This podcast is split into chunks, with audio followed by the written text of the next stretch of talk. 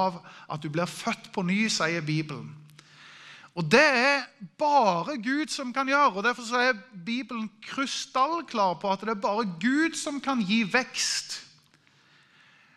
Men så har jeg sagt at vi skal også prøve å se på Betyr det at meg og deg har ingen rolle å spille? Betyr det at det er likegyldig hva vi holder på med? Vel, Bibelen er også klar på at selv om Gud er den som gir vekst, så er det noen som må plante og vanne i dette bildet her.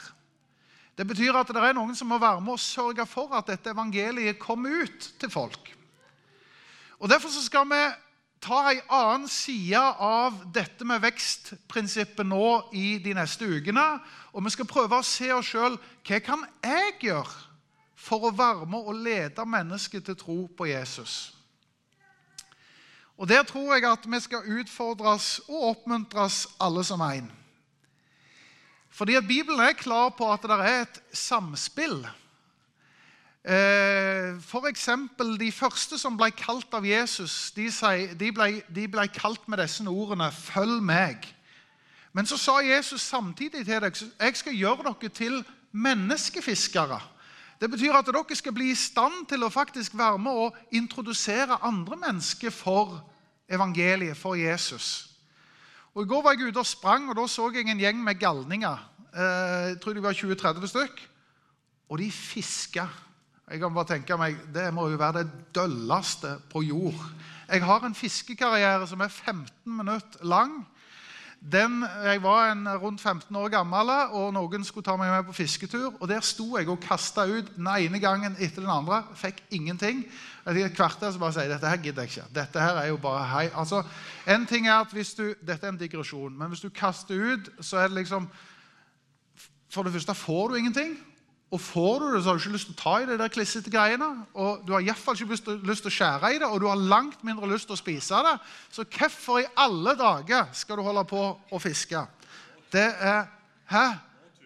Da er, får jeg motstand fra menigheten her, Anna?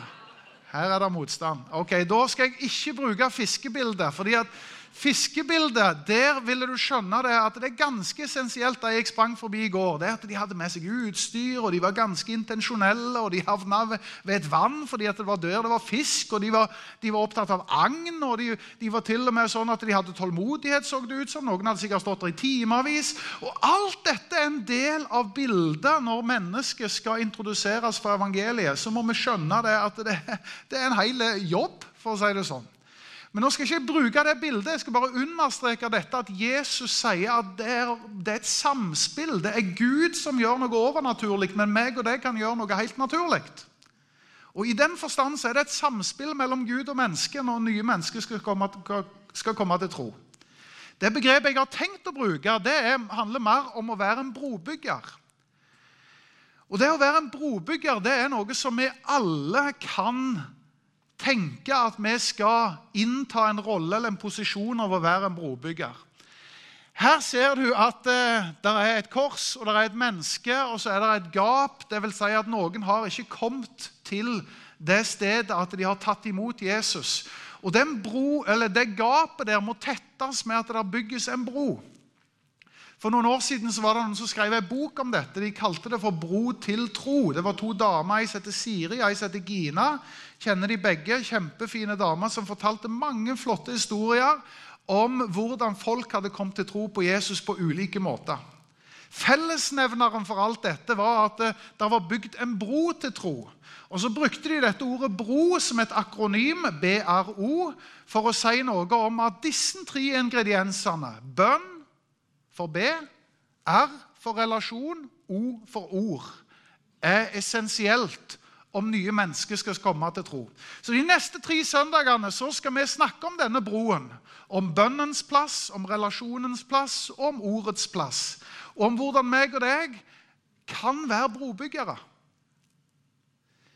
Dette syns jeg er interessant hvis du òg ser det i et historisk perspektiv. Den I USA så finnes det mye av det som kalles for megakirker. Megakirker er gjerne titusenvis av mennesker. Det er gigantiske greier og mye folk. Men lenge før det fantes et begrep megakirker, så var den aller første megakirka i verden Dette er ikke mange som vet. Den første megakirka i verden den var i nyere tid, den var i Stockholm. Og Philadelphia-kirken i Stockholm opplevde en eksplosiv vekst. Så lenge før det var noe som het megakirke, så var det i tusentalls av mennesker. Og Han som sto i bresjen for det, han het Levi Petrus og var på en måte med å grunnla pinsebevegelsen med en pinsebevegelse, pinsemenighet i Norge. Og Levi Petrus han var på begynnelsen av 1900-tallet en eh, ordinær pastor som var pastor i en baptistmenighet. Prøvde seg litt forskjellige steder, så endte han opp i en baptistmenighet i Stockholm. Og I Stockholm så var det sånn at de 70 medlemmene der syntes at han var litt for frisk i frasparket, så de ville ikke ha han der, så han ble på et vis fryst ut. Og så endte han opp i en pinsemenighet i Philadelphia, Stockholm. Og Der opplevde de eksplosiv vekst. Mange, mange, mange mennesker som tok imot Jesus og ble kristne. Og Så står han på slutten av sitt liv, og han er jo en som da har reist og skapt og fått til veldig mye. Og Så sto han på det som heter Nyhemsvekkene i 1974 og skulle tale. Det er tilsvarende vårt Saronsdalstevne eller Hedmarktoppen eller et eller annet sånn megastevne for kristne. Og Så skulle han dele liksom den siste talen i sitt liv, og så skulle han dele hemmeligheten til at vi nådde så mange mennesker med evangeliet, at så mange kom til tro. Og så sa han dette dette er nøkkelen. At vinne en og en, sa han.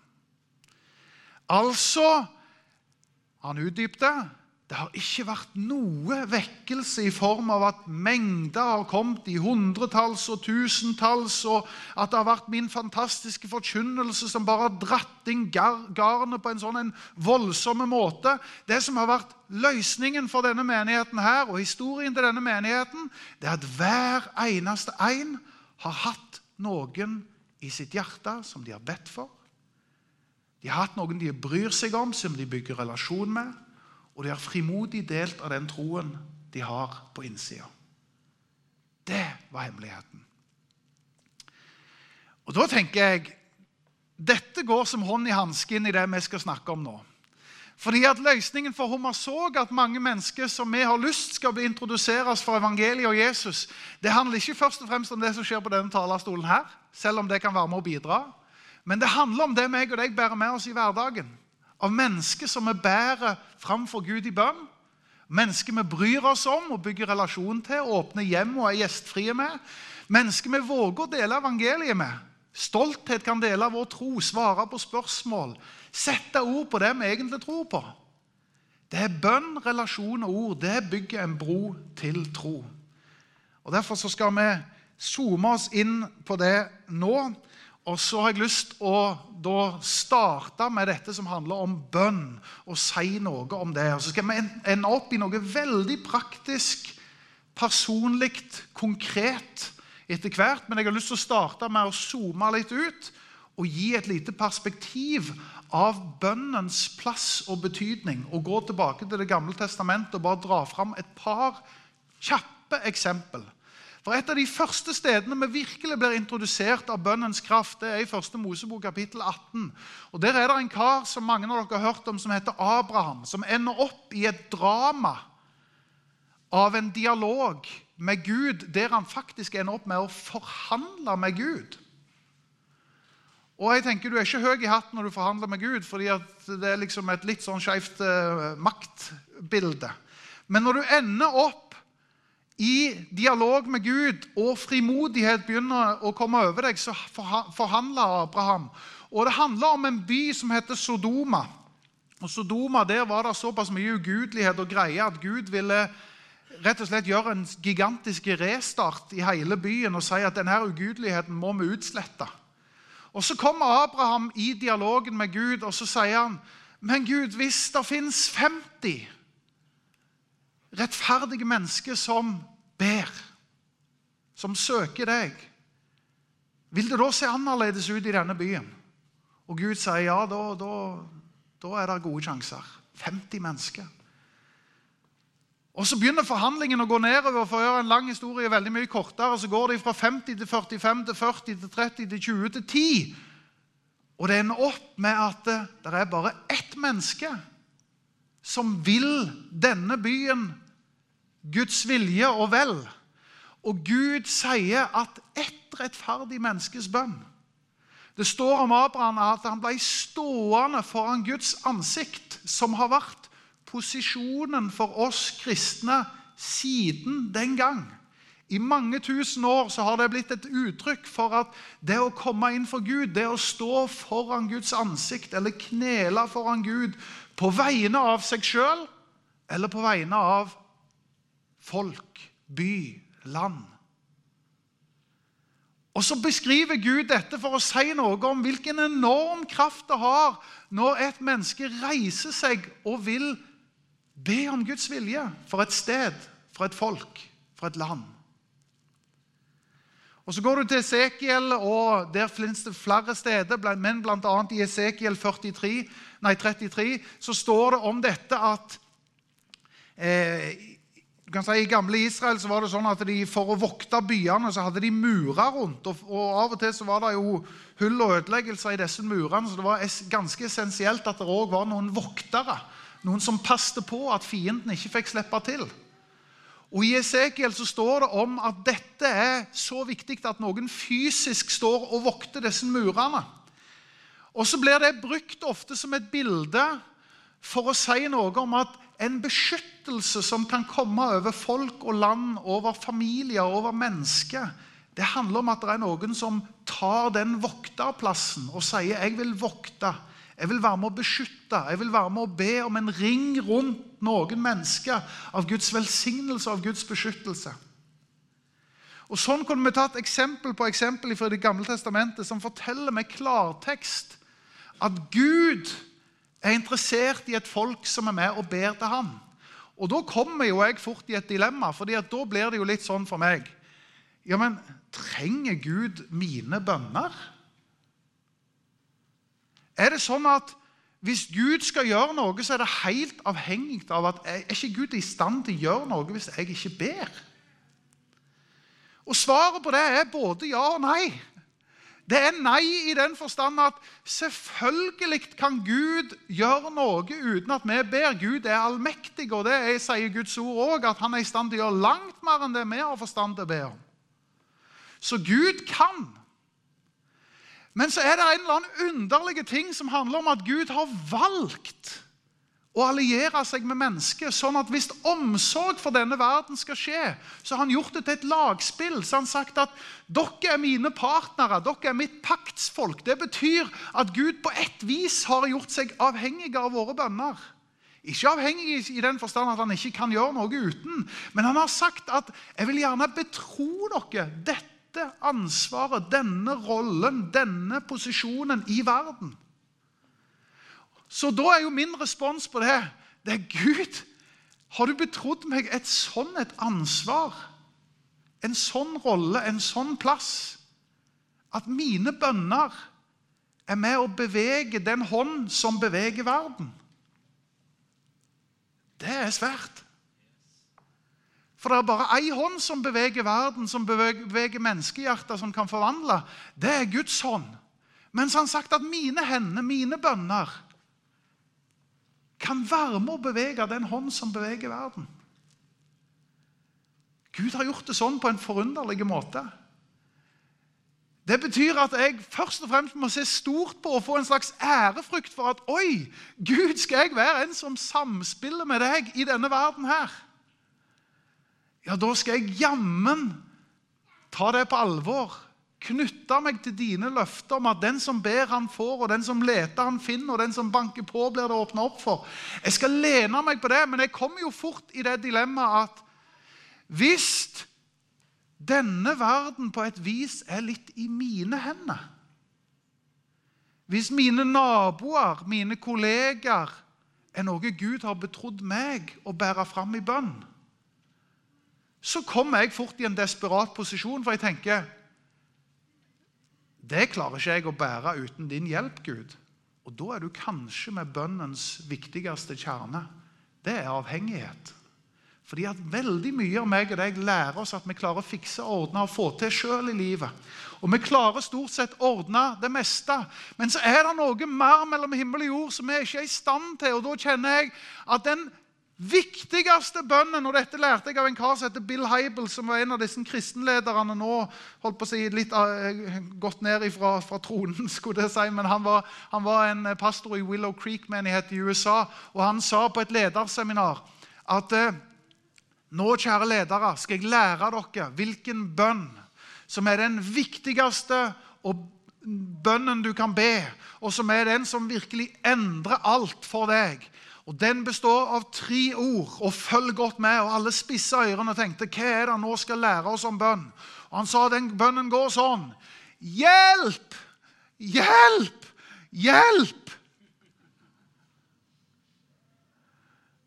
Det er et uttrykk for avhengighet. Så hvorfor trenger vi å be? Vel, jeg vil oppsummere det sånn. Det er ikke først og fremst Gud som trenger mine bønner, men jeg trenger bønnene. Hvorfor trenger jeg bønnene? Fordi det minner meg om at jeg er helt avhengig av Gud. Det minner meg om at hvis det er sånn at denne verden skal oppleve evangeliet, som er så nydelig og som jeg er så glad i, ja, og Gud har betrodd meg en rolle og et ansvar i å bære denne verden i bønn. Så kjenner jeg hjelp, hjelp, hjelp. Jeg kjenner avhengighet. Jeg kjenner Gud, dette klarer jeg ikke uten deg. Og det tror jeg er den beste plassen du kan være som et menneske i avhengighet. For da er du i bønn. Derfor er bønn noe helt genialt. Og noe helt fascinerende og noe helt nydelig. Og Så skal jeg prøve å zoome dette inn, fordi jeg har lyst å si noe om at eh, det handler ikke bare om å be for folk og land og by og være en beskyttelse og stå i et gap. og Det høres litt voldsomt ut for noen. La oss prøve å zoome det inn. La oss gjøre det konkret. La oss prøve å finne ut ja, hva er det da Gud vil at vi skal be om. Fordi at når vi ber, så tror jeg at vi fort ender opp med at ja, men jeg må jo, jeg må jo be i henhold til Guds vilje, iallfall. Og En enkel illustrasjon her. Her har jeg tatt med et lite ark som jeg tok nede fra søndagsskolen. Der ser du et, eh, et, eh, et ark som er typisk et sånn tegneark. Når unger får dette i fanget, og de får noe fargestifter og penner med, så starter de gjerne med å gå baserk. De tegner overalt. Altså, Ingen bryr seg om rammene. Om det er på bordet, på utsida, på gulvet, om det er ansiktet, om det er syv farger eller ti farger eller én farge. Det kunne ikke brydd seg mindre. De bare tegner vilt. Og sånn kan vi kanskje dra en parallell og si at Bønnens verden kan være en sånn en voldsom verden der vi ber mellom alt mellom himmel og jord, og vi ikke alltid er på linje med det som er inn forbi rammene. Men så lærer en seg etter hvert som en blir eldre, at oi, her er det jo et ansikt og noen øyne og litt forskjellige greier. og Der passer det inn med den fargen, og så må vi prøve. Og Det handler om å rett og slett I troens vandring så lærer du deg å finne ut hva er det som er rammene for det som er Guds vilje. Hva er det Gud egentlig vil?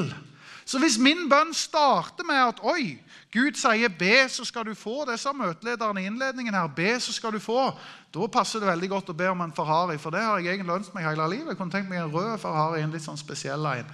Det hadde vært bra å be om. Ja, Da kan du si at det er jo en fin ting å be om. Og kan, Jeg skal ikke garantere at du ikke får det hvis du står på nok, men jeg tror ikke nødvendigvis Gud gir deg det i fanget som en svar på en bønn. Så da tror jeg fort det svaret er nei. fordi Det handler om at Gud har en vilje, og han vil gjerne si 'be i henhold til min vilje'. Og Så må vi finne ut hva er Guds vilje. Og det er det veldig mange ting som er, Men dette verset her gir oss i hvert fall en veldig klar indikasjon. Jeg formaner dere framfor alt at dere bærer fram bønn, påkallelse, forbønn, takk for alle mennesker. Det passer godt inn i valget, det som står her. Be for konger og alle i ledende stillinger. Så vi kan leve et stille og fredelig liv med gudsfrykt og verdighet i alt. Dette er godt og noe som Gud, vår frelser, gleder seg over. Han som vil at alle mennesker skal bli frelst og lære sannheten å kjenne. Mitt personlige vitnesbyrd er dette at jeg er et resultat av bønn. Jeg har ikke ekstremt bråkete bakgrunn, men jeg var ikke mors beste barn. Så når mor skulle stenge meg inn på rommet, så ble det motsatt. Det ble jeg som stengte hun inne på rommet, for å si det sånn. Eh, klassens klovn, den som likte å flippe ut. Det var mange som, til tross for at jeg var vokst opp i et kristent hjem, tenkte at han er det ikke særlig mye håp for. Men mor var så god i sin fortvilelse, i sin avhengighet, at hun satte i gang en bønneaksjon. Og Den bønneaksjonen den varte i mange år. Og Den inkluderte ganske mange mennesker. Og På fredagens bønnemøte i baptistmenigheten Bolgård så vet jeg i etterkant at mitt navn ble bedt for og nevnt hver uke i mange år. Noen ga ikke opp. Mor var sikkert tidvis fortvila, men heller ikke hun ga opp. Så blir jeg 19 år og tar imot Jesus, og det skjer på en helt spesiell måte. Men samtidig kan jeg si at dette her står i en større sammenheng. Det står i en sammenheng av bønn. Det er noen som ikke har gitt opp, for noen som har sagt at uh, vi bærer dette mennesket framfor Gud. Dette tror jeg er å be i henhold til Guds vilje. Dette sier dette verset veldig tydelig òg. At framfor alt og Her står det hele pakken. Både bønn, påkallelse, forbønn og takk. Det er liksom hele arsenalet. Og Legg merke til at det står dette ordet 'framfor alt'. Hvis dere skulle tolke det ordet der og prøve liksom å bare legge all den eksegese og liksom kunnskap dere har om å analysere tekster og sånne ting, hva tenker du at dette ordet 'framfor alt' betyr for noe? Jeg tenker 'framfor alt'. Først og fremst. Framfor alt.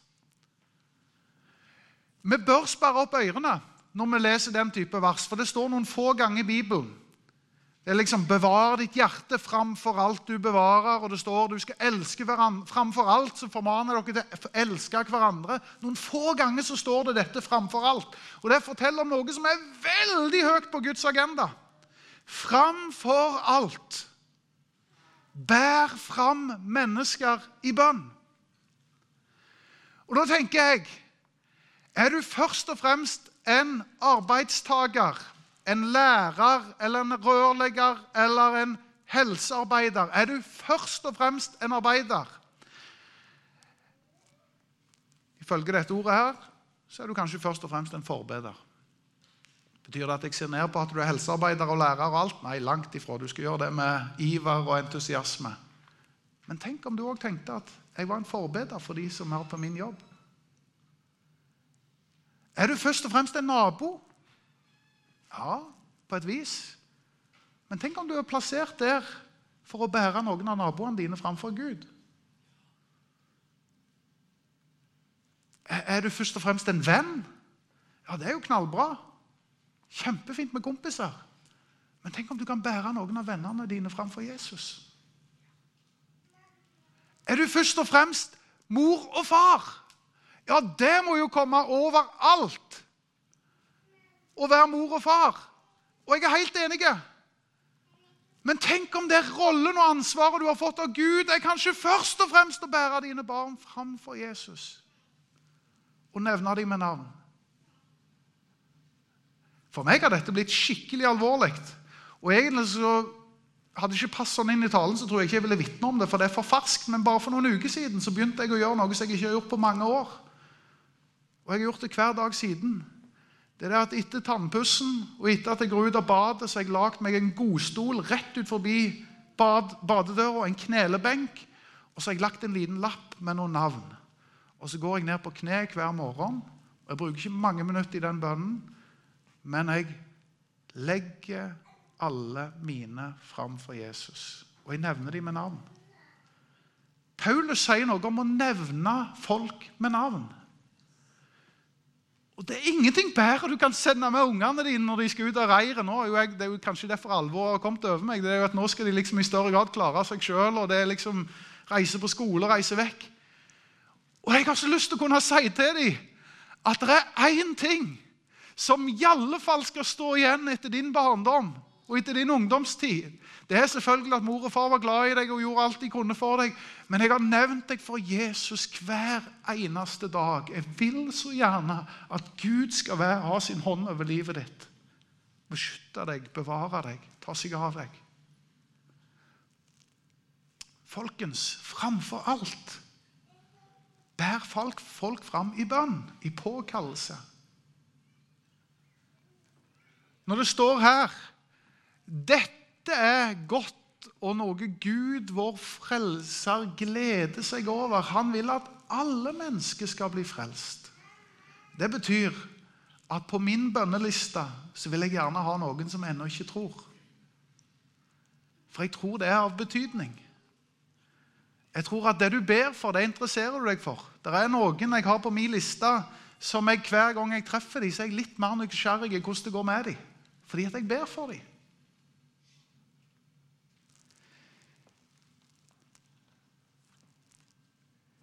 Jeg skal gi to argument hvorfor vi skal bære mennesket fram for Gud i bønn. Folk som ikke tror.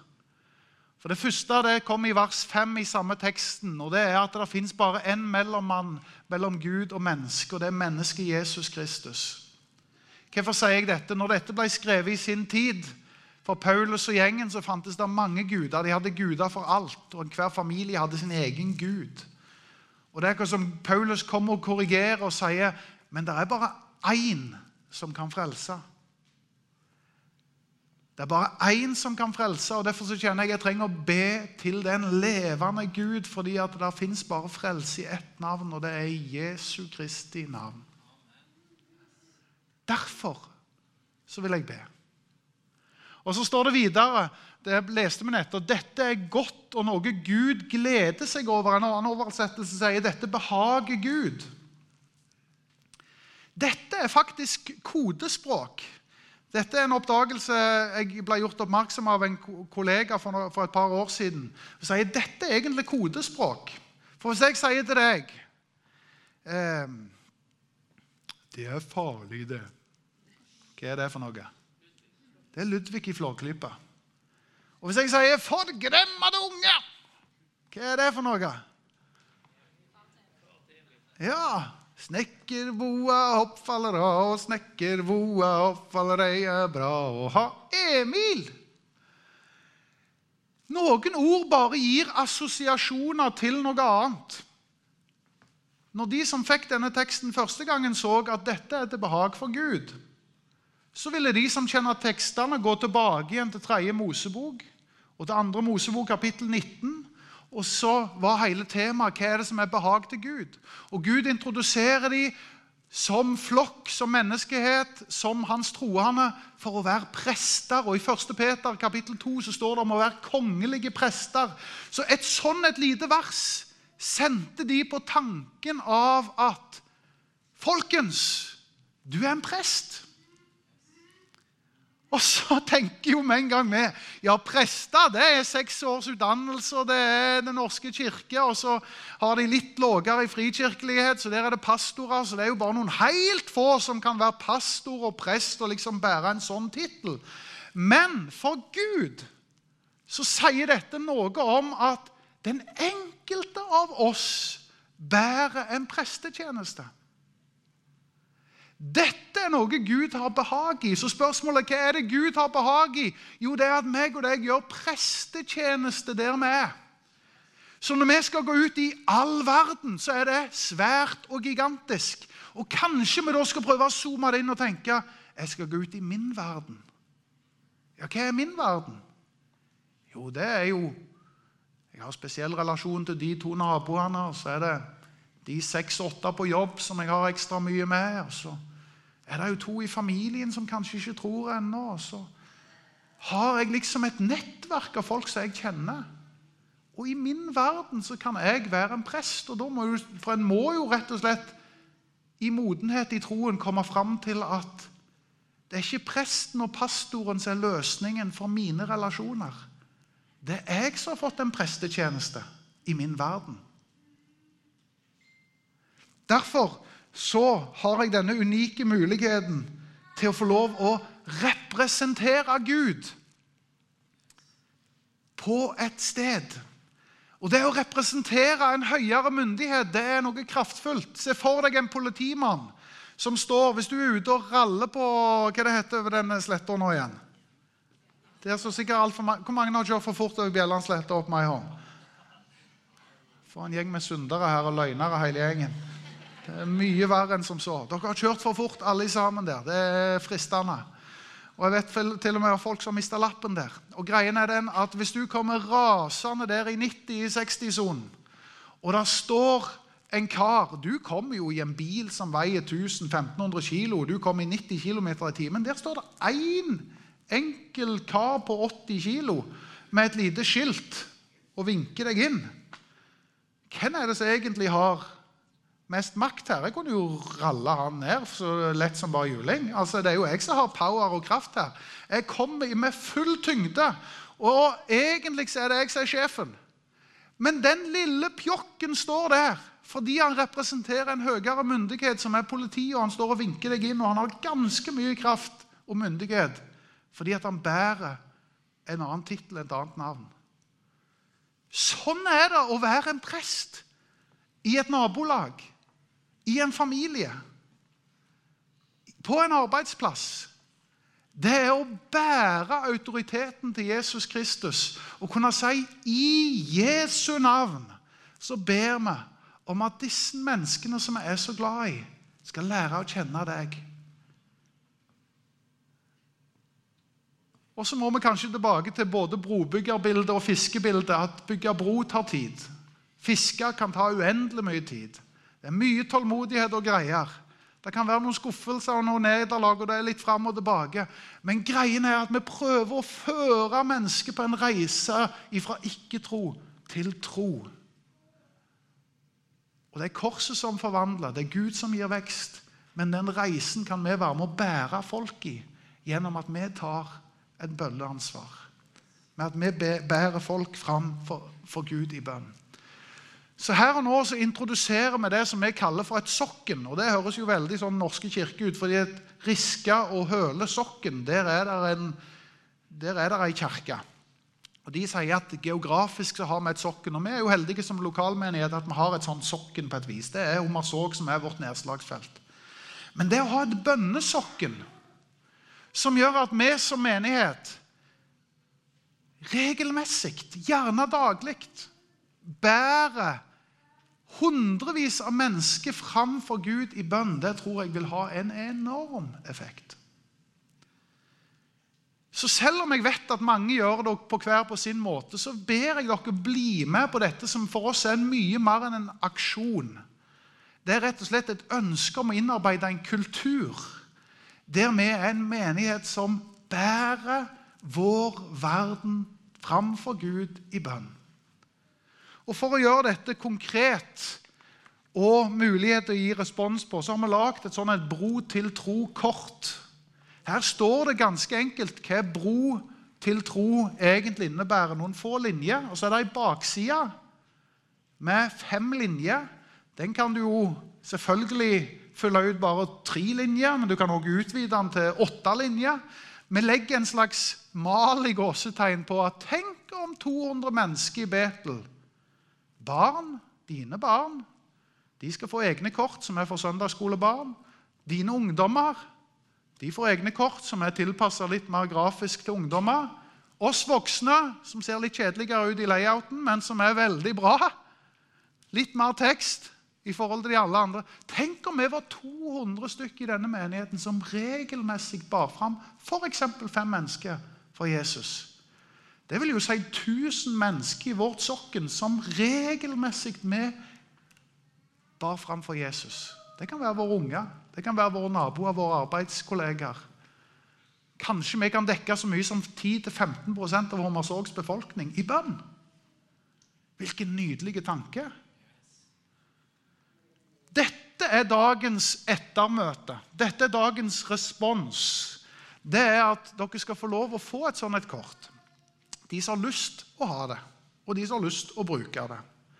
Og Så legger vi samtidig opp til at vi sender sammen med et sånt et kort som du plukker med deg, så tar du òg eh, pennen og papiret som sendes rundt, Og så skriver du navnet ditt. og Det er rett og slett bare en slags intern oversikt. for Vi har lyst til å bare se hvor mange gir respons på dette. Er vi, er vi 50? Er vi 100? Er vi 200? Hvor mange er det som har lyst til å bli med på dette? Du skal ikke fylle ut kortet nå, du tar det med hjem. Det er genialt å putte i Bibelen sin.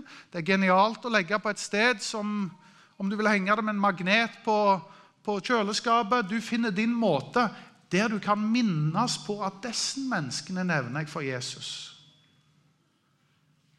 Og jeg håper du har lyst å bli med på dette. Så skulle jeg selvfølgelig, Hvis vi hadde flere timer med undervisning, her, så kunne vi sikkert sagt noe om at bønn er jo primært dialog med Gud og fellesskap med Gud. Og, men bønn er òg det å være en forbeder. Å bære andre mennesker fram. Det, vil si, det handler ikke bare om mine behov. Gud, nå kommer jeg med min ønskeliste. Men det handler om at Gud, du har gitt noen i min vei som jeg kan få lov å være med og bety noe for gjennom at jeg ber. Jeg har sjelden opplevd noen som ikke tror, som syns det er negativt at jeg er med og ber for dem. Jeg tror ikke du har en sjef, jeg tror ikke du har en politiker som sier nei, vi vil helst ikke at noen ber for Eller det fins sikkert en annen, men generelt så er det en god tanke. Det er jo det at du vil folk det beste. Så det å nevne folk i bønnene, det tror jeg er en kall det ting som jeg håper mange har lyst å bli med på. Så Da kan møtevertene begynne å dele ut, og så skal vi gjøre oss klar med at vi får en lovsang i, mot avslutningen. Men du tar et sånn et kort, og så skriver du navnet ditt på den lista. Og så er det sånn at samtidig det er klart Nå skal vi fokusere på mange ting på en gang her. Og det kan være vanskelig for noen og enhver.